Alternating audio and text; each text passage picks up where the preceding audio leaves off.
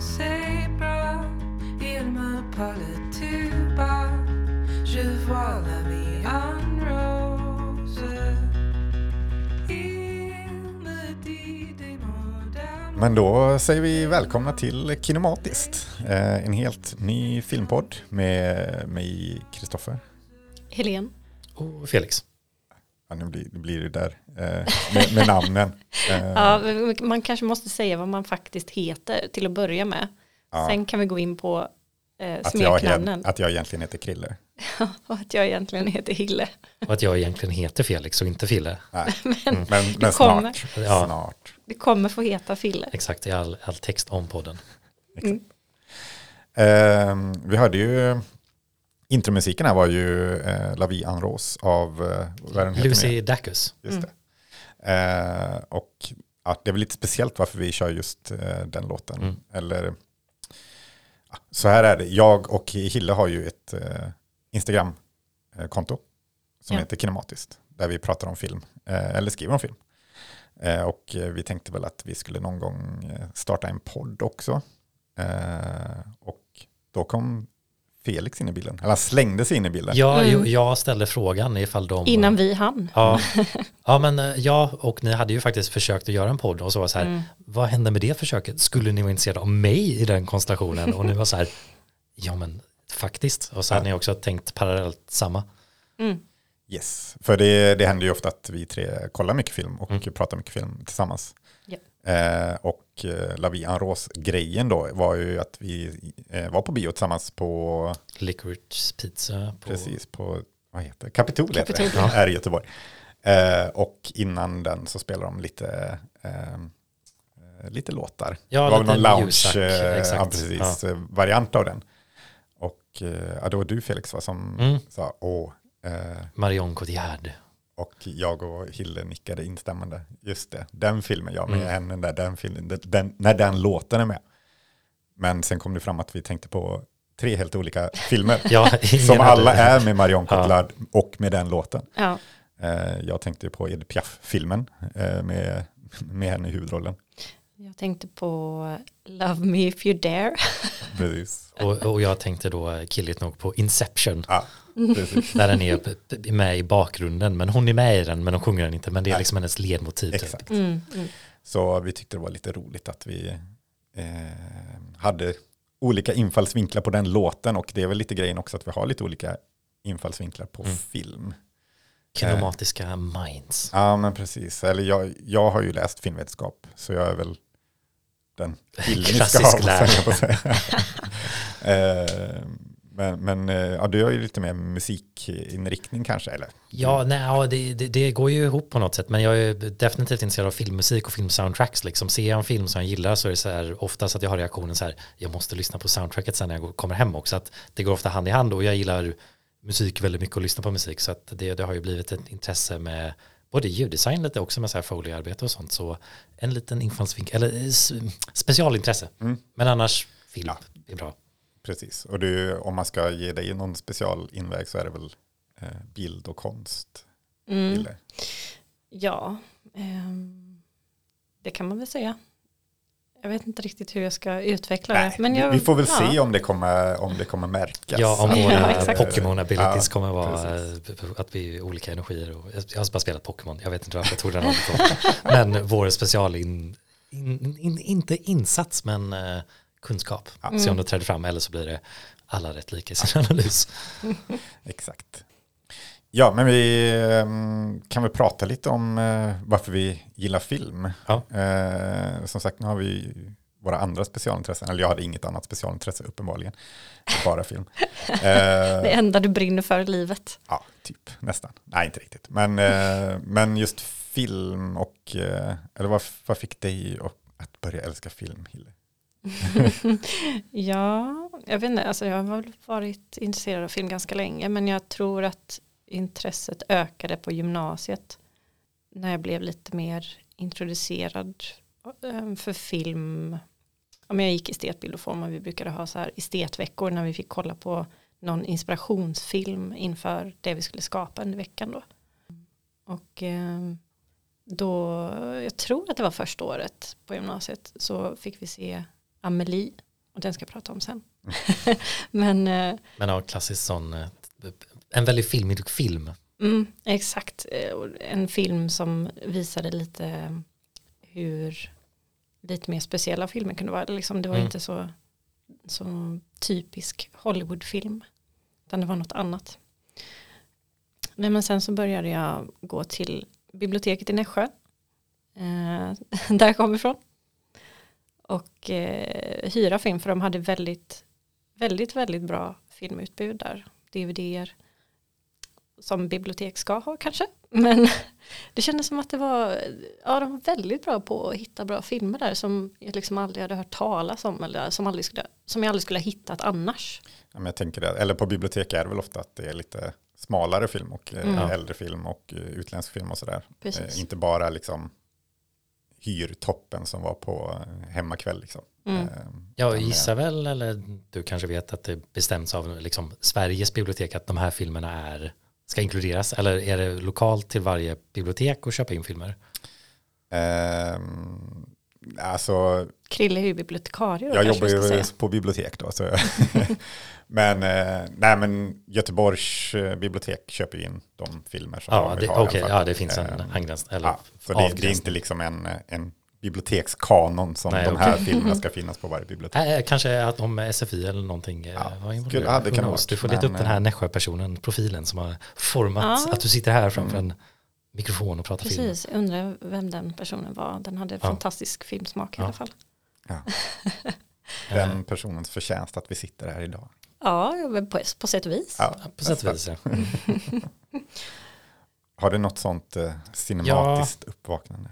Ja, jag har ju ställt den här frågan till mig själv och eh, alltså landar väl lite i också under gymnasiet, men en, eh, eller när du sa du högstadiet? Nej, gymnasiet. Gymnasiet, ja men eh, gymnasiet för mig också en, i tvåan när jag såg 2010 tror jag det var, The Social Network av David Fincher var en sån film som, den, slog, den kom rätt liksom i tid för mitt filmintresse.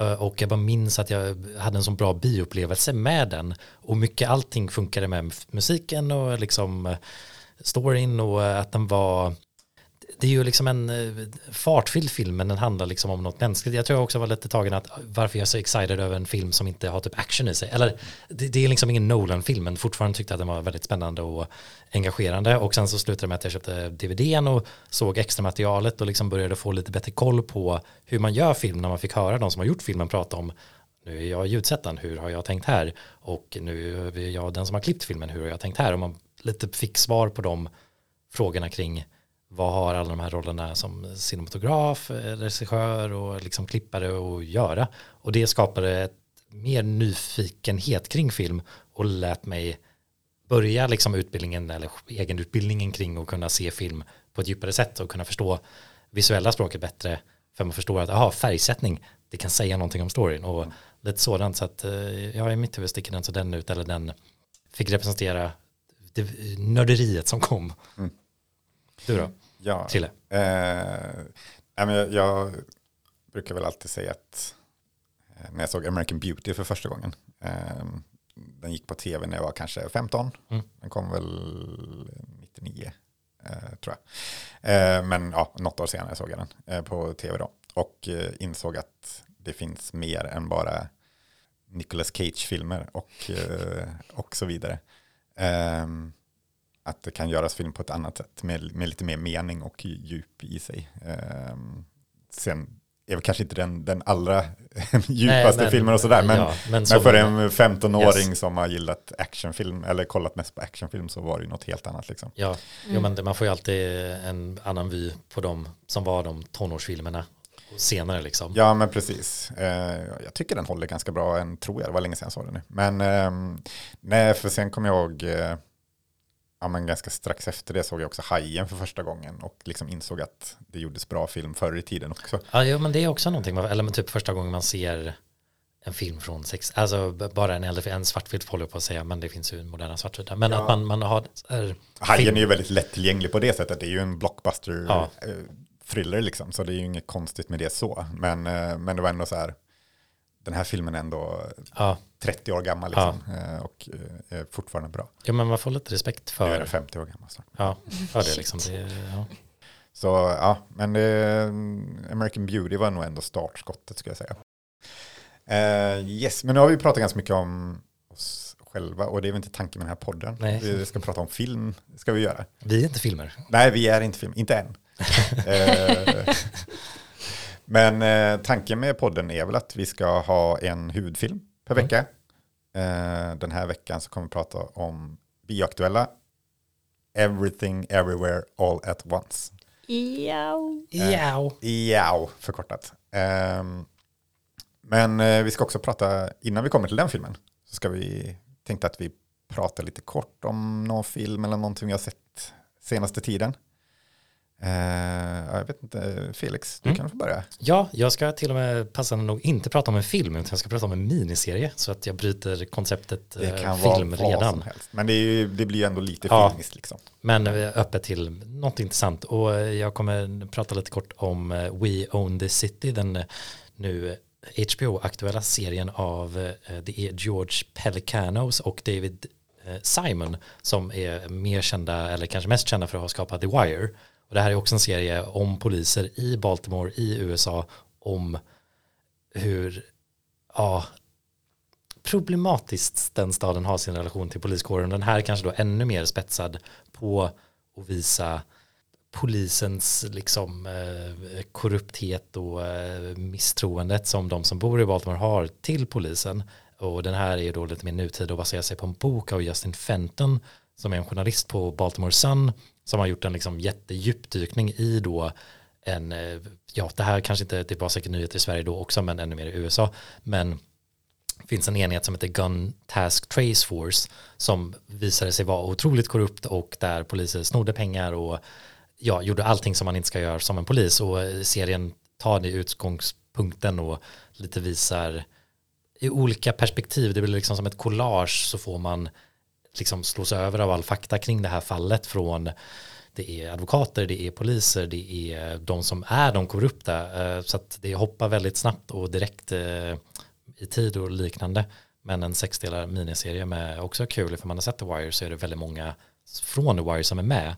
Ja, för jag tänkte det, är det lite The Wire 2 typ? Ja, alltså det är typ The Wire nostalgi, liksom så här, åh, jag minns The Wire, liksom, för The Ja. Wire är ju nu 20 år gammal, men den här är väldigt liknande i ton och så som The Wire som är en, ja, en klassisk HBO-serie från början av 2000-talet tror jag, eh, den är ju då fem säsonger, det här är bara en miniserie på sex avsnitt, men som The Wire så är den väldigt oflashig och typ gedigen och researchad och känns som att den lika väl skulle kunnat komma ut liksom 2003. Det är liksom introlåten och title cards, det är väldigt liksom låg produktion men det funkar för det känns mer troget och riktigt. Det är liksom, den är lite tidslös på det sätt som jag gillar.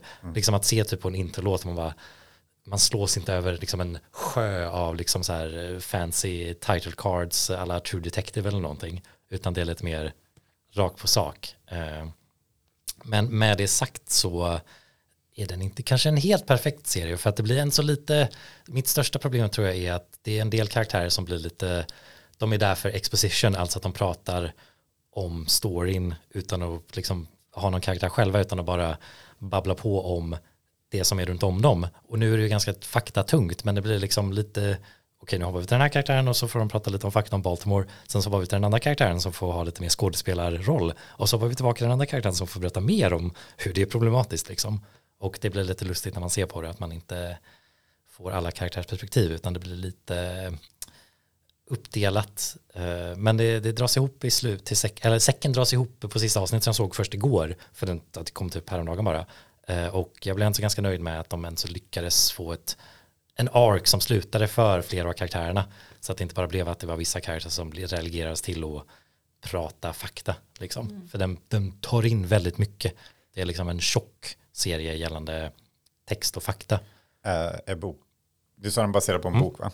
Är det en eh, alltså, faktabok eller en Ja, ja, eh, det är en sann historia Ja, här. Ja, ja. Det, är bra att fråga och säga. Men ja, det är baserat på den här journalistens eh, research kring Ja. det här fallet och liknande. Så att det, det är non-fiction. Just det. Men, för det läste jag också någon, eller såg någon rubrik bara. Känner du igen The Wire skådisarna i nya serien? Spelar de samma karaktärer som de gjorde då? Eller är det bara att skådespelarna kommer tillbaka? Ja, Det är mer att skådespelarna kommer tillbaka, men vad som är kul är ju då att i och med att det har gått 20 år så är ju många av dem eh, en bra bit äldre. Men det är ju då att de kan spela andra roller inom poliskåren och liksom av dem. Så det är lite kul för det finns, det blir ju nästan som ett så här, eh, inte ett inside-skämt, men det är lite kul att se den här karaktären som är nu liksom en höguppsatt chef, medan han var liksom inte det sist.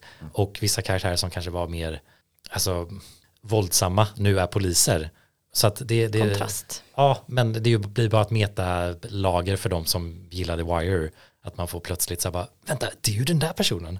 För man hade, alltså de The Wire-skåden så känns det inte som att man ser dem så mycket i annat. Vissa har ju blivit större, men inte alla liksom. Men ja, ja. Eh, men, men tror du det, tror man tjänar på att ha sett The Wire? nej, alltså jag skulle snarare säga att det här är, gillar du det här, se The Wire, för det är ännu längre och ännu bättre. I och med att det här är en så är en contained story på sex avsnitt, The Wire är fem säsonger med 10-12 avsnitt liksom i varje. Så Det beror väl på hur mycket man vill committa till kanske. Ja, men eh, ja, ja, och, eh, återigen så man får verkligen en känsla för Baltimore via The Wire och den här serien, eller kanske med The Wire då liksom, och dialekten som finns där liksom. Eh, Så ja, det, det, det är häftigt att få en serie som är så trogen till en stad och problemen som finns där. Liksom. Det, finns en stor, det känns som att de har en så stor kärlek till Baltimore, trots att det är en av de mest våldsamma städerna i USA. Med, I serien så pratar de om att de har ungefär snitt på 350 mord per år. Herregud. Så ja. Men nej, det, det är kul att lära sig någonting från serien också. Man känner att nu har jag bättre koll på typ Freddie Gray upproren som skedde i Baltimore. Ja, ja, men det kanske man får se någon Ja. gång eventuellt. Det är bra. Lite, lite mossig kan det vara till också. Det är lite på något sätt, det, det är lite grabbigt men det är bara för att per, personer man följer är väldigt grabbiga. Mm. Så det, man kan sitta och rulla ögonen ibland lite för man bara okej, nu en sån här ser en till liksom. Ehm, ja, men innan jag fortsätter med Mm. mer grabbighet så kan du få sticka emellan här då med, du hintade ju om att du skulle prata om Amelie. Ja, ehm, jo men vi var ju, jag och Krille var ju i Paris eh, nu för några dagar sedan. Och då besökte vi det här kaféet som de bland annat spelar in ehm, filmen på. Hon jobbar ju på det här kaféet då. Vad heter det? Café de Moulin. Ja, De två, Två kvarnarnas eh, Mm. café. Ligger i närheten av Moulin Rouge faktiskt. Ja, och jag har inte sett den här filmen på många år nu. Men det var ju väldigt länge min favoritfilm. Och jag var väl kanske lite rädd att den inte skulle ha åldrats Ja. så bra. eh, och jag läste lite recensioner så på Letterboxd. Men då, då så såg jag att en del tyckte att den är eh, cringeigt quirky. Att den liksom är för quirky. Och då tänkte jag bara, shit, är den det? Är den verkligen det? Kommer jag tycka det nu? Kommer den vara liksom förstörd? Mm. Men den var verkligen inte så, eller den hade inte åldrats så dåligt som jag befarade att den skulle ha gjort, tyckte jag inte. Eh, ja, Krille var ju med när jag. Ja, eh, om, om jag ska flika in då med, med så jag, hade jag väl samma oro. Mm. eh, För det var också ett bra tag sedan jag såg den. Men jag, tyck, jag har också alltid tyckt om den. Jag var också rädd att, eh, att den inte skulle kännas lika bra nu. Ja, ja men det är intressant att höra er, för jag såg, jag såg också, jag såg aldrig den som yngre liksom, så jag såg den först, första gången två, tre år sedan tror jag, eller något sånt där. Och jag tror jag tyckte den kanske var lite för så. Jag tror jag såg på Letterboxd att jag hade typ lägsta rating av oss tre, Ja. vilket jag känner mig överraskad över på ett sätt. Men det är också så här, jag har inte någon tidigare nostalgi eller koppling till den. Eh, och var, var, kanske blev inte lika förförd av den som jag kanske en gång skulle kunna varit. Men jag blev också så här, hmm, skulle jag ratat den högre ifall jag såg om den nu igen? Så jag känner fortfarande att jag inte så här, jag är inte stensäker på att så här, det här tycker jag, eller tonen. För jag, för jag tänkte lite när jag, jag håller med lite om att ibland kändes det lite, försökte lite för mycket med att vara quirky. Men sen tänkte jag också så här, men, men den var ju typ först med det också, inte riktigt, men, men den var ju väldigt Mm, tidig den var ju i, den, i den quirkigheten som kom efter den på Ja. 2000-talet. Den försöker inte efterhärma någonting, Ja. vilket Så det är lite samma med så här, ja men konstig eh, parallell, men typ ja, Metropolis eh, från 20-talet, det är så jäkla coola effekter. De håller ju inte idag, men de var ju först med dem. Mm. Alltså, den, alltså den var ju Precis. först med den här Man måste ändå quirkigheten. tänka på det också. Eh, så, så därför typ köpte jag det ändå. Mm. Eh, och ja, som sagt, jag tycker, tycker det var riktigt bra fortfarande faktiskt. Ja, alltså man kanske har ett nostalgiskt filter över det och sådär men tycker ändå att, eh, att den liksom var bra. Jag tänker med Eh. film som har varit ens favoritfilmer så tycker jag man ska ha det och det är kul att ha det. Man ska Mm. inte växa upp och så här, magin är borta nu är jag en vuxen och kan Nej, inte uppskatta det här precis. längre liksom. Det är som att vi, okej nu, nu eh, går vi bort lite från det här men som att jag kollade på Jurassic Park för inte så länge sedan och den första filmen är ju fortfarande jättebra. Även, men visst, alltså det kanske är lite nostalgi över det också men den är ju bra. Ja, jo, Ja, men, ja, för vi såg ju dem ganska nyligen och Mm. första som sagt håller ju riktigt bra fortfarande. Ja. Älskade ju den när jag var liten. Mm. Älskade också tvåan när jag var liten, men den är inte, den är inte alls nej, bra. nej, det, det, ibland händer det att man ser om en sak och man bara nej okej, Ja. okej, jag vet, förstår inte varför jag gillar den så mycket som liten men den håller inte. Så det, det- det, kan ju hända också. Ja, det är kanske så man eh, upptäcker om saker är bra på riktigt Mm. på något sätt.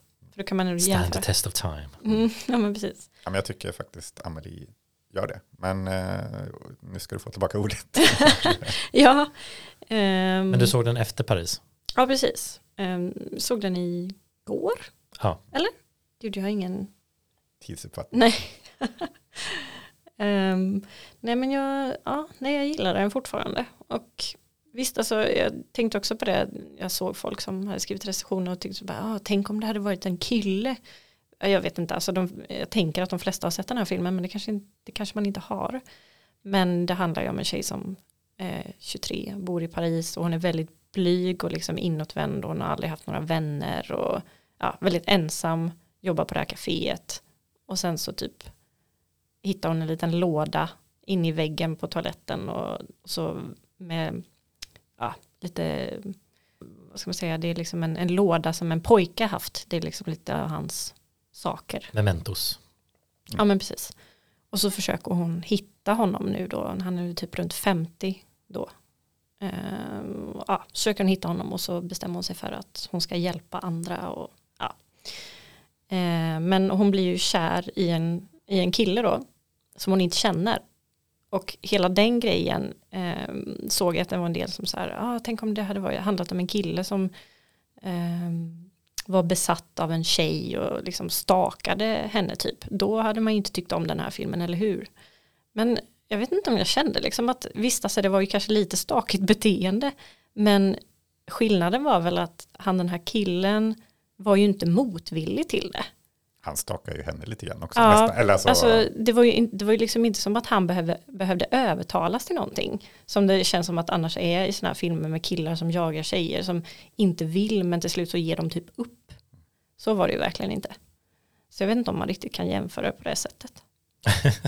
Jag gillar att du svarar på den här kritiken så här, nu så ingen Ja. annan kommer med den. Nej, alltså det, ja, nej, jag bara, jag funderade på det först och sen så bara, men nej, jag tycker inte att det är så. Om jag ska försvara den här Får skriva en letterbox-recension. Ja. Ehm, ja, sen så är det väl lite så här, den romantiserar ju Paris ganska mycket och jag tänkte på det när vi var i Paris att det känns som att det är många som har romantiserats av den filmen till att ha en bild av Paris. Otaliga frankofiler har den här filmen skapat. Ja, det tror jag verkligen. Vad hände förresten med som Om man gör något längre. Det känns som han pikade där med Amelie och sen efter det har det stadigt gått ut för typ. ja, typ. Det känns som kanske hans eh, stil har gjort sitt. Hans glansdagar är över. Ja, verkligen. Nej, men han, han gjorde ju Nej, jag det med inte. delikatessen, Ja. kom ju strax innan Amelie och eh, förlorade barnens Jag trodde stad. du först kallade Ja. Amalie-delikatessen. Men sen gjorde han också en, en långvarig förlovning. Gjorde han väl med. Ja, den kommer ju efter, Efter Amelie, jag vet. Ja. Ja. Men så gjorde han ju Alien 4. Mm. Jaha, Ja, det, var, En salig blandning. ja, det får man säga. Men eh, ja, nej, det känns som hans storhetstid är, är, är, är över. Vi får, Vi får se om man kanske kommer tillbaka. Comeback Mm. kanske han gör. Det vore väl kul. Amelie 2 kanske på, på gång. Nej. Audrey Tattoo är väl, eh, hon gör ju inte mycket heller. Så hon kanske behöver ett uppsving också. kanske. kanske. eller så får Marion Cotillard spela henne. Ja, Eller Lea Seydoux. men ni vet vart ni hörde det först i alla fall. Amelie Mm. 2 kommer komma snart. Det är bara en tidsfråga. Scoop från Paris. Ja, men om eh, fyra år är det ju 25 år sedan. 25-årsjubileum, perfekt. Mm. Då kommer Amelie 2. Okej, Ja. vi får se. Vi får se. Aha, ska du berätta någonting eh, jag, grabbigt nu? Jag, jag trodde du skulle berätta topp 10 Pinocchio-filmer som kommer. Nej, det får bli någon annan gång. I år. Eh, det får bli någon annan gång. Eh, nej, men jag tänkte prata lite. Det är också en film som vi alla har sett. Eh, men eh, vi såg ju The Batman nyligen. Ehm, jag vet, alltså jag, den har ju varit hyfsat hypad i år. eh, och jag kan förstå det. Eller jag, jag gillade den ändå. Alltså på sätt och vis. Ja, Eller ganska men- ambivalent till ja, den. Jag kan, jag har ju också sett den men innan er, men kände också att så här, men den, den justifierar sin existens även ifall det var lite så här problemet, eller varför filmen helt inte funkar för mig var också att jag behövde inte se den här Batman-storyn en gång till, men den gjorde tillräckligt eh, mycket annorlunda för att jag inte kände att aha, det här är inte bara en till actionhjältefilm. Nej, precis. Jag är ju rätt liksom ja, avvokt inställd till eh, hela superhjälte-crazen som är just nu. Eh, Men, men på något sätt har alltid Batman fascinerat mig. Typ. Alltså ända sedan jag var liten och såg liksom de här gamla tv-serierna. Tecknade serien, ja. Mm. Nej, de Ja, ja, det, alltså gamla Adam West. eh, 60-tals Ja, ja, ja. ja. Krille is old. Exakt, nej så gammal heter Men de gick på fyra när jag var liten i alla fall. Ehm, så, så jag har alltid, liksom, alltid gillat Batman av någon anledning. Han är ju en av de bättre superhjältarna för att han inte är en superhjälte. Det, tycker det. Ja men precis. Det är nog kanske därför. För Stålmannen tycker jag ju, jag gillar att säga Ja, han är Läderlappen borde ja, vi också säga. ja. Eh, Nej men eh, Superman Bring känns back ju jävligt. Läderlappen. Precis. Känns ju jävligt tråkig. Ja, mannen av stål är motsatsen till Läderlappen. Exakt. Ehm, men jag gillade liksom, alltså det är ju lätt att jämföra med Nolans trilogi liksom. Ja, Eh, som ju jag tycker är bra. Eh, I alla fall första och andra. exakt. Eh, men, men jag tänker att de kändes som bra action thrillers, eller vad man nu ska kalla dem. Eh, mer än bra superhjältefilmer typ. Men den här nya kändes som en bra superhjältefilm. Du tyckte inte så det var superhjältigt? Vad sa du? Ja, Alltså att den här var superhjältig? Ja, men eh, alltså det kändes mer som en superhjältefilm tyckte jag. Alltså Mm. fast, eller den gjorde något väldigt nytt med superhjältefilmen. Eh, men, men det var inte liksom, det var en Batman-film. Det var en, Ja. en liksom För jag, action. för jag tänker just att den är ju så väldigt noirig och mörk och Ja, eh, ja, mer. Seven psykologisk eh, thriller än jämfört med Marvel eh, superhjältefilm. Ja, verkligen. Men det kändes ändå som en, liksom, en comic book-film då, om man säger så. Alltså att den, Mm, eh, en liksom, mörk komik. Ja, Ja. för det, det finns ju väldigt många liksom, mörka Ja, Batman-comics. Liksom. Ja, ja, men nästan mer Sin City men typ. än eh, eh, just Marvel. Ah, Vilken Marvel-film som helst för de Ja, är väldigt mer ja, familjevänliga. Eh, nej, men Marvel är ju bara en maskin nu, det är ju supertråkigt. Eh, men men den, den gjorde ju något nytt med superhjältefilmen, men det kändes mer som en superhjältefilm än vad jag tyckte Nolans Batman-filmer gjorde. Eh, och den var, ju, alltså, den var ju rätt cheesy ibland, liksom. den hade så här ganska tramsig dialog ibland och, och liksom tramsiga scener. Den var ju väldigt, den, alltså filmen tyckte ju att det var den coolaste filmen någonsin. Eller jag, fick, jag vet att det var några tillfällen när jag liksom så här skrattade för att det skulle vara så himla coolt. Ja, men jag läste någon skrev på, på Letterboxd också. Men att, att den liksom, den vågade vara lite silly. Alltså den, den tog sig inte själv på så stort allvar som kanske Nolans filmer gör mer. Ja. Eh, Men den går ju också 100% in i sin estetik, eh, speciellt de två första timmarna liksom, och att den, den är asmörk liksom, Mm. den är, en svart, eller svart film är det väl fel ord, men den noir, det regnar alltså typ konstant som i Seven liksom, och ja, att den drar upp det till max liksom, är till en styrka istället för en svaghet för att det blir liksom inte som ett litet försök eller en antydan utan nej, det är en, det är en regnig mörk film. Mm. Ja, men, eh, ja, men precis. Och, och, ja, men det var väl det jag typ gillade med den. Att, ja, men sagt, den försökte göra en mörk thriller av en superhjältefilm. Mer än, om, om jag nu då ska, ska koppla till Nolan som försökte göra en superhjältefilm av en mörk action-thriller. Ja. Liksom. Ja. om, om du förstår vad jag menar. Så den går liksom från andra hållet. Och, Ja. eh, Och jag tycker inte så filmen har lite intressant casting med Robert Pattinson som passar som en liten emo-Batman. Liksom. Mm. ja, Eh, jo, men han, alltså, jag gillar honom väldigt mycket Ja. och jag tyckte han var bra i den här också. Ja men det tyckte faktiskt jag också. Man jag, köper hans inte, NOI typ. Ja precis, alltså jag visste inte vad jag skulle känna inför det innan jag såg det. Men så bara, ja, Det kan ju bli gnälligt att se på någon som är så här, "Åh, jag är en man som känner känslor men jag går inte till terapi liksom. Jag, Mm, jag måste precis. slåss. Ja. Men jag tyckte också det var lite intressant att han eller för jag, jag kommer inte riktigt ihåg de andra Batman-filmerna, kan jag inte påstå. Men jag tyckte det var intressant att han, det känns som att han faktiskt löser saker i den här filmen också. Alltså att han... Han gör detektivarbete. Ja, precis. Det, det kommer jag inte riktigt ihåg att han gjorde i de andra filmerna. Det hände lite, och, men det hände ju mycket så här, nu sitter jag vid datorn och gör lite research och så boom, boom, boom, boom och så bara, Ah, ah, okej. Morgan Freeman, hjälp mig. Ja. Eh, Ja. alltså, så att det händer i de andra filmerna, men här, den är ju lite mer liksom polisarbete, stå och anteckna och Mm. tänka typ. Det gillade jag. Men jag tyckte, jag tyckte ändå, som sagt, som du sa, behöver vi verkligen en Batman-film till? Ja, Men jag tycker ändå den liksom, den, den förnyade Batman på något sätt. Ja, Och den förnya, eller den, eller förnya är fel ord, men den, den, den kändes ändå fräsch liksom. ja, Och framförallt eh, kontra Marvels eh, Ja. liksom, rullbandsproduktion känns det ju som. Nu har jag ju inte sett så mycket Marvel-filmer, men de bara matar ut filmer liksom. Det kan, ja, Nej men jag blev såld på filmen när typ 10 minuter in eller 5 minuter in Nirvanas, uh, är det, nej, inte Underneath the Bridge, something, ja, Something in a way heter den. Something in a way kommer och man bara what? Liksom grunge i min Batman-film liksom. Det var, och så sitta på bio och höra den och man så här minns, eller jag, jag lyssnar på den låten och skivan mycket när som tonåring liksom, och man så här, det är den här genuin liksom så här.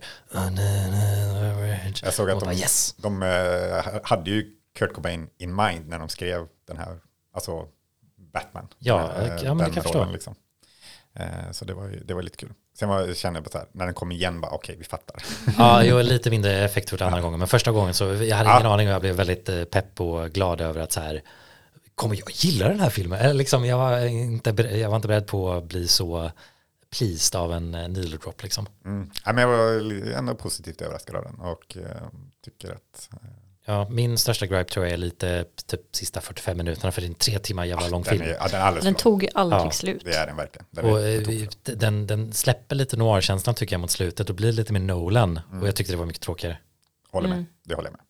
Men eh, ja, ändå, ändå Mm. sevärd, helt klart. Ja, men så mycket mer om det jag inte säga. Eh, det är väl också lite tanke med podden. Nu har vi pratat om ganska blandade eh, En filmer. kompott. Ja, eh, tanken är väl att det, det ska vara lite, eller folklig arthouse har vi väl snackat om, att det ska vara liksom eh, lite mer udda filmer, eh, Mm. men som ändå är, är poppis av någon anledning. Typ. Ja, Mm, Men det kan ju också vara mer arthouse-filmer och mer folkliga filmer som vi har precis. redan visat prov på, tänker jag. Och förhoppningsvis så blir det inte allt för pretentiöst.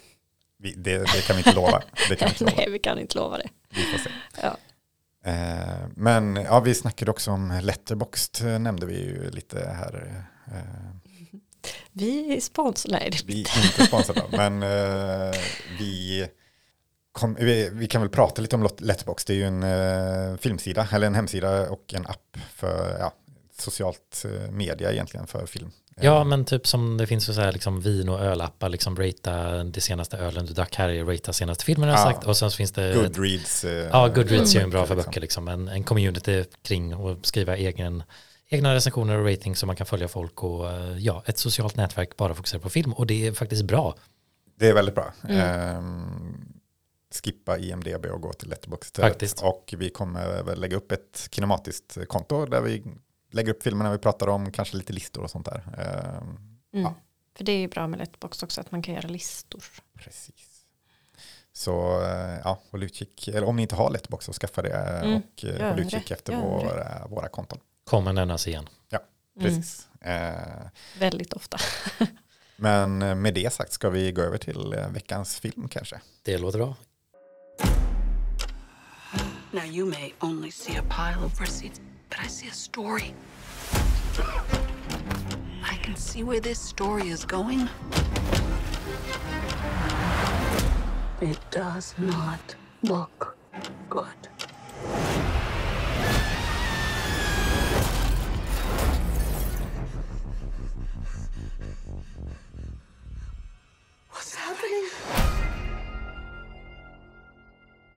Ja, alltså veckans film. Eh, Everything Everywhere All At Once. Det, det är en eh, liten sån eh, Ja, det ramsa är som är någonting svår med att- att det är everything everywhere Sex man laska, är, laxar i en laxask. man, grej, liksom. man blir osäker på ordföljden på något sätt. Precis. Man vill ha liksom everything all at once everywhere, men Ja. det är inte så den heter. Men iao, Ja, om man är svensk. om man är svensk. Mm.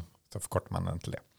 Eh, ja, vad, vad är det för film? Ja, en film gjord av Daniel Shinertz och Daniel Kwan som då kallar sig Daniel som är liksom en regissörduo som är lite ovanligt eh, men det är väl Joel och Ethan Coen man kan tänka på närmst. Men de har sedan länge gjort musikvideos och liknande. De har eh, den här Turn Down for What. Se den musikvideon så kan ni se Daniels eh, för länge sedan. Sen har de gjort också filmen Swiss Army Man med Daniel Radcliffe som ett lik. Mest Ja. känd för det och Paul Dano också. Eh, Men nu har de en ny film ute via A24 som är det här amerikanska indie-filmbolaget som Som gör släpper allt. Ja, och köper in allt som man oftast vill se om det kommer från USA. Eh, Och nu har de en ny film då som heter Everything Everywhere All at Once. Och den har vi sett och den ska vi prata om. Och för att kort redogöra vad den handlar om så kan man väl säga enkelt, Krille. Du brukar vara Jag bättre på det brukar, med brukar få sammanfatta. Ja. Eh, det är en familj eh, som har en eh, tvättomat. Ja. Eh, och det går inte så bra för deras, med deras deklarationer. IRS är på dörren. Ja, precis. Och mm, samtidigt som de är i, på det här IRS, ja, har ett möte med dem helt enkelt. Ja, och kan att- tillägga perspektivet är ju då från morden i filmen liksom. Precis, Eh, man så- följer då mamman i den här familjen som äger laundromaten. Och eh, hon kontaktas av ett parallellt universum Mm. eh, som eh, säger att allt håller på att gå åt helvete. Du är den enda som kan rädda oss. Eller du från, den här, från det här universumet är den enda som kan rädda oss. Yes, det blir liksom the inciting incident. Precis, och det leder till ett massa hoppanden mellan, mellan alla massa olika eh, parallella universum.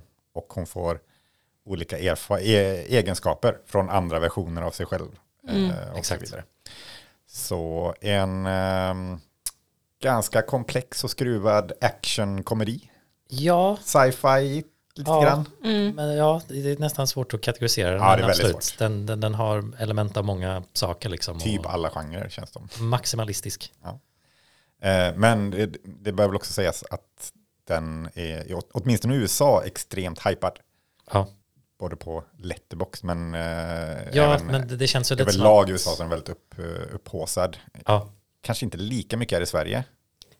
Ja, jag vet inte, det är svårt att säga tycker jag, men alltså av andra som jag känner, som jag sett, har sett den så verkar de flesta älska den. Mm, jo, och precis. Det är alla som ser den älskar den. Men gör vi det? ja. Det är väl det vi ska kanske försöka bena ut här idag. Mm. Ehm, men ja, Man kan väl nästan börja med bara, den heter ju Everything All Everywhere och det, det är ett bra namn på den här filmen för de kör ju verkligen mycket, det, det är mycket av allting Mm. och i och med att de har då de här reglerna för det här multivers-grejen som de får framföra i filmens gång så tillåter ju det en eh, jävla massa random saker att ske och de lutar ju in på det och det är ju lite det passar ju deras humor som de har och de, de är bra på visuellt visa det också. Eh, alltså att smarta klippningar eller effekter eller löjliga regler skapar komik på ett absurt sätt. verkligen. Ja, och de är ganska bra på att typ gömma praktisk och klippta effekter. Det är liksom någon hybrid mellan digitalt och praktiskt. Mycket via klippning också. Mm. Som de lyckas inte så, jag, det, det känns inte som en film som gör mycket med lite. Tycker jag. Jag undrar, jag blev, när jag såg filmen så var jag lite nyfiken, så här, vad är budgeten för den här? För det känns som att de, de, de är liksom scrappy och smarta. Eh, och inte bara gör CGI av allting som man skulle kunna ha Mm. gjort. Men det, det gör de inte, liksom. filmen har inte den känslan. Det uppskattas ju alltid. Ja. När man eh, i så stor mån som möjligt kan göra eh, ja, praktiska effekter. Ja, men det, det tar ju verkligen start där när hon först då, mamman, eh, kan se vad, Evelyn heter karaktären ja, Just det. eh, som spelas av, ska jag på- Yeoh. Ja, tack. Ja, Ja. Kanske mest känd från eh, Crouching Tiger, Hidden Dragon. Men också nu på senare år då Crazy, vad heter den? Crazy Rich Asians. Just det. Mm. Eh, men, Har vi eh, sagt att det är en kinesisk familj i USA? Det Det kommer fram gjort. nu då kanske. ja, det är en Asian American. Eller nej, de är väl eh, eh, kinesiska. Mm. Ja. mamman och pappan. Ja, men first generation eh, för dottern i familjen. Precis, liksom. de har ju en dotter då som, som är lite, eh, hon har en flickvän som ja, går lite mot de traditionella. Ja, hon är mer amerikansk liksom. Ja, men precis. Och det, det, filmen, hela filmen anspelar ju mycket på liksom familjedynamiken som kan uppstå delvis för liksom en första immigrantgenerations liksom eh, situation och bara generellt sett lite typ så här generationell eller generational trauma som jag ville säga liksom eller det, det finns i bakgrunden för filmen för alla de här galna saker som händer så brukar det oftast vara en emotionell sanning eller koppling till det liksom som jag tycker filmen eh, har ganska väl arbetat rakt igenom. Med tanke på den här hypen som har varit, eller hur, hur kände ni när ni gick in till filmen? Eller vad hade du för förväntningar, Julia? Um, alltså jag hade inte kollat upp så mycket om den. Jag hade väl läst lite om den på Letterboxd. Uh, och jag tänkte väl att den skulle vara lite av en wild ride förmodligen. Um, utefter beskrivningen av den. Mm, och det var den ju. Ja. Men jag tänkte nog kanske att den skulle vara lite mer, eller jag hade fått för mig på något sätt att den skulle vara lite mer som någon konstig arthouse. Men det kändes ju mer som, Crowd pleasing. ja, lite, lite mer, eller jag har sett folk eh, alltså beskriva den som att den är lite Marvel-aktig nästan. Ja men superhjältesfilm fast Mm. ja, det har jag mötts av i liksom hypen Fast kring mer filmen. liksom ja, far out. Alltså, ja, den är så här, så varför weird. är inte superhjältefilmer som den här typ eller liksom för när man går in i ett universum där man tillåter personer att göra extraordinära saker mm, så gör den det här på ett lite mer roligt och kreativt sätt men jag, jag hade också i hypen hade fått mig också undvika detaljer för jag ville gå in så blankt som möjligt men jag hade ju Mm. också byggt upp något så här den kommer vara mer mer arthouse konstig Mm, som du precis mm. sa och inte lika kanske liksom eh, en balansakt mellan action, drama och absurditet och humor liksom. Ja, på det sättet så var den inte riktigt så som jag trodde den skulle vara. Nej, Nej, för jag, jag känner, eller jag brukar ju, när det blir sån hype kring saker så brukar jag ju töntigt nog liksom, ha inställning att det här kan inte vara så bra.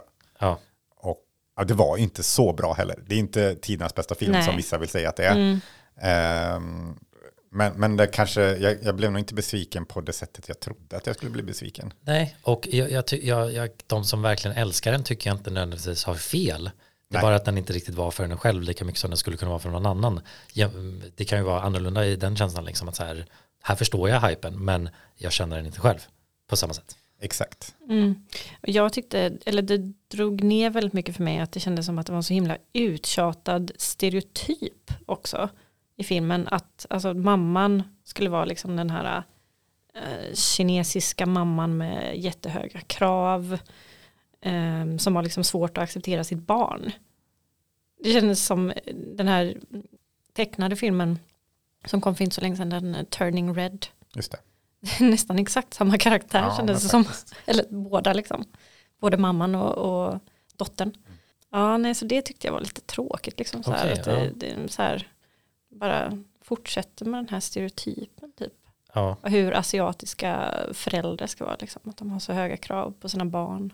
De ska bli precis så som de vill. Typ.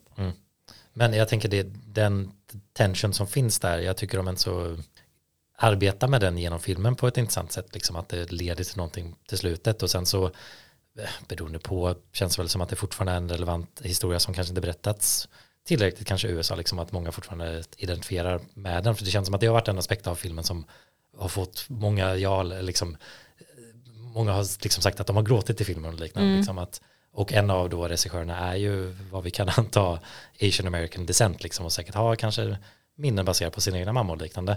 Ja, För de, de försöker ju en så jag tänker det är ju, ja, jag förstår vad du menar men jag, jag störde mig inte på det aspektet. För, men eh, jag, jag kan inte så köpa att man visste lite, jaha det är det här som kommer vara filmens grej typ lite. mm, Den blev lite förutsägbar liksom. ja. Sen tyckte jag också att den kunde vara lite too much ibland. Överlag liksom. Att det inte var så. Men jag, alltså, jag förstår ju också att det är meningen. Att det ska vara rörigt och allting händer på en och samma gång. Mm. Det heter den ju till och med. Mm. Ja. Ehm, Spoiler alert. Men eh, samtidigt så fanns det ju väldigt mycket saker som jag gillade med den också. Jag tyckte att den var bra. Mm, alltså musiken tyckte tyckte jag kompletterade filmen väldigt bra. Eller den förhöjde scenerna väldigt bra. Gjort Mm. av artisten Son Lux. Jag såg att soundtracket hade 49 låtar häromdagen. Ja, jag, jag har lyssnat på soundtracket hela dagen på jobbet faktiskt. Ah. Ja, det är några låtar som är verkligen så här tycker jag är jättebra. Som Ja, känns ja, jag, väldigt... eh, jag blev nyfiken även om det var så här, okej 49 låtar, jag får ta det här en annan dag. Mm, ja. Nej men den, eh, jag vet inte, men både, alltså, jag tror att det var en kombination av musiken och ja, men, hur filmen var gjord. Som påminner mig ganska mycket om eh, serien Maniac också. Som är en av mina favoritserier. Finns på Netflix. Nej men de påminner lite om varandra. eh, Både musiken och att, ja för att i Maniac så är de ju liksom i mm, någon slags drömvärld kan man väl säga. Där de är inne i sina egna hjärnor och, och ja, alltid lite wacky och Ja. konstigt. Men också väldigt sorgligt. Och jag tyckte att det kändes som att de var lite lika varandra. Ehm, Ja men de använder ju absurditet och eh, liksom sci-fi eller magisk Mm. realism sci-fi nästan Precis. till en emotionell kärna liksom och eh, filmen känns ju liksom på marken men fortfarande väldigt konstig. mm, Men jag, kan, eh, ja, men jag, jag, jag kan hålla med det du sa om att den kändes too much ibland. Eh, alltså, humorn känns ju väldigt mycket och Ja, eh, everywhere all at once. Eh, men och ibland så kände jag att nej, det, här, det blev för plumpt ibland liksom. ja jo men Eh, humorn speciellt kan bli, den är, den är väldigt in your face och funkar den inte riktigt eh, så då är det svårt att tycka det är så jättekul. Ja, men det var mycket swing, swing och miss liksom. Ja, Eh, Men den gick ofta- utan att spoila ja. för mycket, men eh, korvfingrar, kul. Eh, buttplugs, inte lika kul liksom. Nej. mm, nej, precis. Ehm, och jag kä- jag kände ofta att så här, hade jag sett den här för 10-15 år sedan, då hade det typ varit min absoluta favoritfilm. ja jo men Det, det, känner jag jag, också. jag tänkte på det, eller jag såg någon som skrev någonting i stil med att ehm, folk som älskade Scott Pilgrim när den kom älskar den här typen. Eller liksom, om de hade kommit samtidigt så hade det ju folk varit Ja, helt... för jag älskade Scott Pilgrim Ja. och tänkte lite på den. Eh, Ja. liksom att, För det är också det här snabba, Mm. ja, alltså, som händer klippning, hela tiden och- Snabba skämt och sånt. Mm. Men en sak bara på tala om humorn som, som jag uppskattade, utöver att den kunde då vara lite mycket, är att de hade ganska många liksom gags som man tänkte så här, oj, rolig sak. Men sen så kom de tillbaka till samma gag typ två, tre gånger. Så att det liksom, de, det blev inte bara en kavalkad av liksom throwaway gags som liksom att, som någon family guy avsnitt, Mm. liksom här är en massa jävla random humor. Utan de, nej nu, nu går vi Det fanns tillbaka en till det här. mening med det. Liksom. Ja, och det är liksom det groundade filmen och humorn Mm. lite tyckte jag. Så att det var som att, ah, jag uppskattar att ni gick tillbaka till den här dumma saken som ni refererade till tidigare. Istället för att bara slänga ut allt det roliga som man kan i ett script liksom. Utan det fick faktiskt eh, komma tillbaka och anspela. Ja, för det, eh, samtidigt som jag ibland kände att den var för mycket, så kände jag också ibland att den var för lite. Ja, Jag hade velat ha mer parallella universum. Yes. Jag hade velat ha alltså, mer av allting. ja jo, jag skrev en liten note, random är inte random nog. Nej, Eller liksom Mm. när allting är möjligt, filmen liksom eh, sätter upp de här reglerna som gör att så här, vad som helst kan hända känns som, eller vad som helst kan refereras till. Så har man så, eh, liksom, filmen kan inte matcha fantasin man har själv. Och den, ibland tycker jag att den når upp att så här, wow, vad händer nu? Men sen så är det att man inte riktigt, man bara mer. ja, lite, lite missed opportunities här och var tycker Ja. jag. Eller det kändes som de hade kunnat gjort som sagt, ännu mer absurditeter Ja. och ännu mer liksom, roliga universum som de hoppar Ja, emellan. Och, jag, jag ville att Mm. den skulle vara konstigare, men jag Ja. uppskattar det med, för att inte gå in för mig, men korvfingrarna. Ja. Liksom, det kändes som att så här, bara, där blev jag lite nästan äcklad också. Man bara, jag blev glad att den lyckades nå den nivån. Liksom. Mm. Det är ju intressant ändå för att jag undrar varför de in, valde att inte visa fler parallella universum då. Är det för att de tänker att det skulle bli för mycket att hålla reda på? Jag För det är ju redan väldigt mycket att hålla reda Jag på. kände lite att, ja, jag kände också att det var budget. Så här. Mm. Vi har den här eh, liksom kontors Miljön. sätten, miljön. Ja. Eh, För de återanvänder ju den väldigt mycket. ja, de kommer liksom- alltid tillbaka till den. Så Mm. jag, Ja. jag, det känd, mycket kändes som det var budget. Liksom. Ja, och Mm. även liksom skådismässigt så har de ju många, liksom, i, i, filmens regel tillåter samma karaktärer vara olika karaktärer. Mm. Det var också någonting jag tänkte på att så här, ja, den här personen har varit med i liksom, tre olika fight scenes men i olika kontext Mm. och olika krafter. Liksom typ, utan att gå in på det för djupt. Och det tänker jag, den eh, spelades väl in under eh, pandemin antar jag. Ja, fan ta det. Eh, Så jag tänker att det kan ju också liksom gjort, gjort sitt Mm. Ja, eh, eventuellt. förmodligen. Men, men som sagt, jag hade, hade velat ha, ha lite mer. Men, men ehm, Ja, ja nu, nu, det låter som jag är väldigt negativ till den här filmen. Jag tyckte också den var, den var bra, liksom. Ja. Absolut. Men eh, kan, eller du kanske hade något du ville säga? Ja, nej, men jag kände att, för det var i mitten typ av filmen när jag kände att den har liksom spelat ut sin rätt. Jag bara säga, okej, men nu, nu börjar jag kunna det här. Det, det, är inte så, det var väl kring buttplug-scenerna liksom. Mm. Jag kände, ah, nu orkar jag inte med den här filmen längre. Men sen, men sen kom den liksom över till något annat. Och jag, eller jag började liksom känna, ja, men det, här- det här är bara liksom kärlek till film. Eller alltså det, Ja. det kändes som väldigt mycket kärlek till filmmediet. Som sagt, de har alla olika genrer liksom. Och de har en extremt tydlig Von Kar-wai eh, liksom. Ehm, Och den funkar ju liksom, man sitter där och bara, jag gillar det här liksom. Om man, och liksom en person som älskar buttplugs kan bli nöjd med den scenen. Men så kommer liksom vår pretentiösa sida så här, "Oh, Wong Kar Wai. ja men liksom. exakt, och det var Ja, då är kände en, jag så här. En salig blandning. Ja, men då kände jag, oh, men jag gillar fan den här filmen. Ja. Den, den, ja, när, när jag liksom växlade till det, bara, men vänta, det här är ju, det är ju bara massa Wong Kar-wai. Och så försökte jag hitta, finns det andra så här, framförallt kinesiska regissörer som de har försökt efter men jag, jag kunde inte riktigt, jag kunde gissa, men jag kunde inte riktigt komma fram till något, jag inte kunde läsa till mig något. Ja, filmen byter ju också lite så bildformat med att det blir widescreen och Ja. inte och liksom leker med metaformatet av film, liksom, hur Precis. det presenteras och det finns en film i filmen. Ja, men, men, eh, ja, nej, men det blev just, eller filmen för mig blev i alla fall, okej det här är inte en film om familjer, eller det här är inte en film om eh, fighting-sekvenser eller om buttplugs, utan det här är en film om film. Eh, blev det för mig till slut typ. Och då kunde jag uppskatta den eh, lite mer än vad jag gjorde. Okej, eh, den hittar cineasten inom dig. Ja, men det gjorde väl det. Sen tyvärr så blev det lite så här, okej, nu har de gjort den här Von Kar-wai eh, slow-mo-effekten lite för många gånger. Vi fattar att ni vill göra Von Kar-wai liksom. Men det kändes också bara som reglerna för det. Jo, jo, absolut, absolut. Men jag, så, så jag tappar den ändå lite på slutet. Den är ju också, upptäckte jag sen, 2,20 lång. Ja, den känns inte så lång. Nej, jag, jag, nej, precis. Jag blev lite förvånad när jag, när jag kollade upp det efter. Ja, det är ovanligt att 2,20? känna. Men, eh, men så det var lite upp och ner eh, för mig i alla fall. Men jag kunde ändå hitta något, eller en film. Eller jag, jag kunde inte hitta min film i den filmen. Eller hur den var för mig i alla fall. Eh, Och jag kunde ändå uppskatta det. Nej, för jag, jag landade nog mer att det här kändes som en, en, en film om en familj eller liksom om Jo. de dramarelationerna och att allt faff runt om skulle kunna tas bort. Det skulle kunna varit en film alltså, som inte, när, filmen skulle kunna utspela sig utan att kontakta sådär multiverset. Ja, Det fanns liksom den kärn fanns i bakgrunden på eller den, skulle inte kunna vara en superhjältefilm om man ska säga. nej det kunde ju varit Minari 2 typ. Ja, Eller, jo, alltså- och liksom, jag gillar lite att det, det fanns i bakgrunden där. Liksom. För mig blir det som så här, ja, men det är alltid en allegori. Men eh, mer än att jag kände filmälskandet. Men det, det stämmer ju också. Men eh, bara intressant att slår olika för oss. Liksom. Men det du var inne på, jag tyckte också just att filmen skiftar i ton så mycket gör att man känner lite att det är en balansgång under filmens gång. Att är den lite för mycket nu med buttplugs eller är den liksom inte tillräckligt? Så bara, "Åh, vänta, Wong Kar-wai. Och så man är lite medveten om att man liksom dras till och från under filmens gång och de lyckas hålla balansen. Men man är också medveten om att man ser en film som håller balansen i ton. Och det är lite distraherande tyckte jag i alla fall i slutändan. Det var liksom att se någon gå på trapetsen och den så här, och sen så nej, han klarar sig. Ja, verkligen.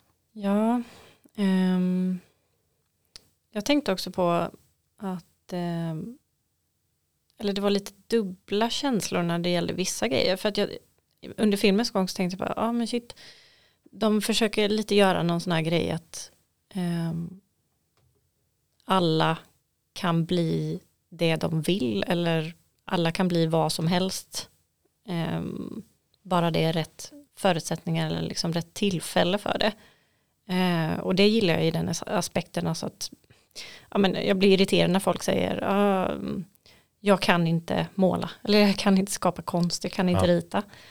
Och det handlar ju bara om, ja, okej, vad är det du vill rita då? Eller, alltså, också lägger man ner tid på någonting så kommer man bli bra på det. Mm. Så i den aspekten så gillar jag hela grejen med att ja, men hon är en massa olika personer som gör olika saker i de här Ja, och lite filmen går nästan in på, eh, liksom som hennes styrka blir att hon inte är bra på någonting. Mm, ja men Och Att precis. det, är liksom, det, det vänder på huvudet, det är, liksom, det är lite kul. Men det att- visar ju att Mm. hon kan vara bra på saker. Ja. Bara det är liksom rätt förutsättningar för Men det. och kan behöva den insikten själv också. Liksom. Mm. Men samtidigt så blir jag också irriterad av den tanken för att så är det ju liksom inte. Utan alla har ju olika förutsättningar beroende på så här, alltså var man växer upp, socioekonomisk bakgrund och Ja hur man ser ut och vem man är, alltså vad man har för familj, alltså allting sånt påverkar ju också så det är ju inte så lätt egentligen. Så det är väldigt så här, eh, eller jag tycker det är ganska talande för hur jag kände överlag för filmen, att det var väldigt motstridiga känslor när det gäller väldigt mycket. Jag kan tycka det är jättesvårt att betygsätta en film um, för att ja, men jag gillar det här med den, men det här gillar jag verkligen inte med den. Ja, Okej, hur mycket drar ne- det ner betyget då? Det är jättesvårt tycker jag. Har vi, Pretty apropå tricky. betyg, har vi mer tankar kring filmen? Eller Alltså det är känns som att det finns mer man kan prata om men det är också att man går in lite mer på spoilers och specifika saker och i och Mm. med att den är så pass ny så känns det tråkigt att gå in på Kan säga att jag tyckte att det var fantastiska kostymer. Ja. Ja. Det var spexigt. och färgsättning eh, och, ja, eller det bara känns som att det här är två personer som kan väldigt många praktiska små lösningar och effekter och de utnyttjar allt de kan för den här filmen. Men det känns också som att de skulle kunna göra en ännu bättre film efter den här filmen på något sätt. Man blir nyfiken och se vad de ska hitta på härnäst helt klart. Ja, det känns ju kul att det här är en success liksom. Man är ju glad att den här filmen har gjort bra ifrån sig liksom. Ja, den, den kommer ju vara med på Oscarsgalan liksom. Ja. Ehm, tänker jag. Och ja, nej men det är, det är kul, det kommer ju någon sån här film då och då som från ingenstans nästan. Ja, men lite så här grout eh, Ja, av jorden Ja, också. Parasite Ja. eh, också liksom. Så det, det man blir ändå glad när det inte bara är liksom Avengers 14 som är den alla pratar om. Yes. Eh, även om jag som, som vi var inne på tidigare att superhjälteaspekten i den här finns ju. Eh, jag tänker att den lockar till sig eh, Marvel fanboys. Liksom. Mm, Men det, det är ju lite en film som hela familjen kan se. Liksom, faktiskt, eh, man, Ja. du kan ha cineastpappan och eh, cineastmamman och tonåringen som gillar Marvel. Precis. Ja. De skulle kunna ha någonting att hitta ur den här filmen. Om man klarar att se buttplug-scenen med sina Ja. föräldrar då, det är väl frågan. Mm, eller den med dildosen eller vad var det för någonting? Just det. Ja, det, är, det är lite mycket sådana skämt. Mm. Sant. Ja, men eh, har ni satt något betyg? Jag har inte gjort det än, men jag, Gör det nu. ja, det, ja. Ja, men Alltså, kan det vara en fyra? Men du, du tycker inte det är det? Nej, nej, det kan inte vara en Tre och en fyra. halva? ja, alltså det kan vara tre och en Ja. halva eller en trea tror Ja, jag. ja, det var det jag undrade. Liksom. Mm. Och vi pratade om det här om dagen att tre och, tre och en halv är ett så osexigt betyg. Yes. Det är osexigt. Det är liksom så här, är det en stenhård rekommendation? Ja. Är det liksom en, du kan undvika? Ja, men du borde se den. Ja. Ja, men, ja, men jag landar också där någonstans. Liksom. Och det här är så tråkigt, för jag, jag, jag har ju sett Felix betyg på Letterboxd och det känns som att det är så tråkigt när vi har likadant Aha. betyg allihopa. ja, men jag var nästan också typ sen nu när Men jag det satt kanske jag var olika anledningar Ja. för sig. Ja men absolut, det, vi har ju pratat lite olika och Mm. kritik till filmen också. Men jag kände också delvis när jag gjorde en lite så här pro-con-lista inför det här samtalet så var det som att men den kanske är en fyra, eller liksom det fanns, jag blev lite förförd av mina egna argument till varför den var bra. Och liksom lite fick insikten så här, ja men jag förstår bättre när jag själv rannsakat och läst lite om filmen varför folk typ älskar den liksom. Eh, Men det är också enkelt på Letterboxd att se den mest positiva kritiken för det är oftast de recensionerna som blir populära. Så man får ju ibland inte den mest balanserade bilden tyvärr. Eh, Jag brukar sortera så här, först så läser jag de populära, sen så sorterar jag till de som har skrivit eller satt det lägsta betyget Ja, och ja. sen till det högsta betyget för att få Ja, lite mm. olika. Jo men exakt, men det var, det var som att jag skulle kunna sätta en fyra, men jag, jag landade lite på tre och en halva ändå. Mm. Ja, jag känner, om vi ska gå in kort på det bara, att mitt betyg, som sagt, jag, jag har satt en trea på Letterboxd för jag tror inte på halvbetyg där. Men, men den ligger väl kanske på, den ligger ju mellan tre och fyra, det jag pendlar lite där. Ja, och jag är väl egentligen i den pendlingen också. Men lite kort bara, vad, alltså betyget for, eh, formas lite av bioupplevelsen också. Ja, jo, men eh, vi alla hade ju lite svårt för humorn i filmen och att se den här filmen när det är väldigt outrageous humor och så har man personer som tycker det är väldigt kul. Det Ja. roligaste de någonsin har Precis sett. som skratt, alltså asgarvar. Så Ja. att liksom, Och ja. de själv tycker att, mm, nej, så kul var det inte alls. Nej. Nej. Och då tänker man så här, oj, ifall jag var 15 kanske jag skulle skratta Ja. lika mycket. Så det, det, det, det, det, det håller jag med att just humorn färgas lite negativt av att se personer skratta innan man själv ens har reagerat om man tycker det är kul. Mm. Men så kanske om man ser om den, lär väl komma. När ni hör det här så vet jag inte om den kommer gå på bio fortfarande. Den går på bio när vi spelar in det här i alla fall. Men den, det känns sen så... Eller, Känns som den kommer kunna gå ett tag. Ja, lite längre på SF i alla fall. Men det är mycket, det är, det är intressant det där med hur länge de går på salongerna, liksom beroende på hype och priser och liknande. Och Man kan där. tänka mig att den kommer på Netflix Ja. relativt snart också. Eller så kommer den tillbaka ifall den får någon Oscar. Så kan det också vara.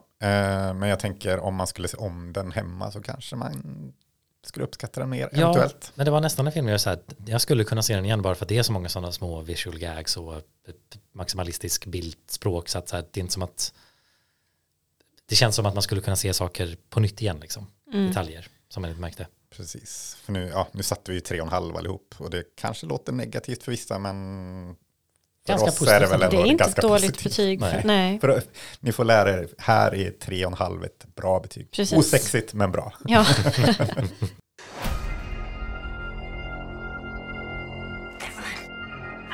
Husband. I'm another version of him from another universe. I'm here because we need your help. Very busy today. Uh, no time to help you.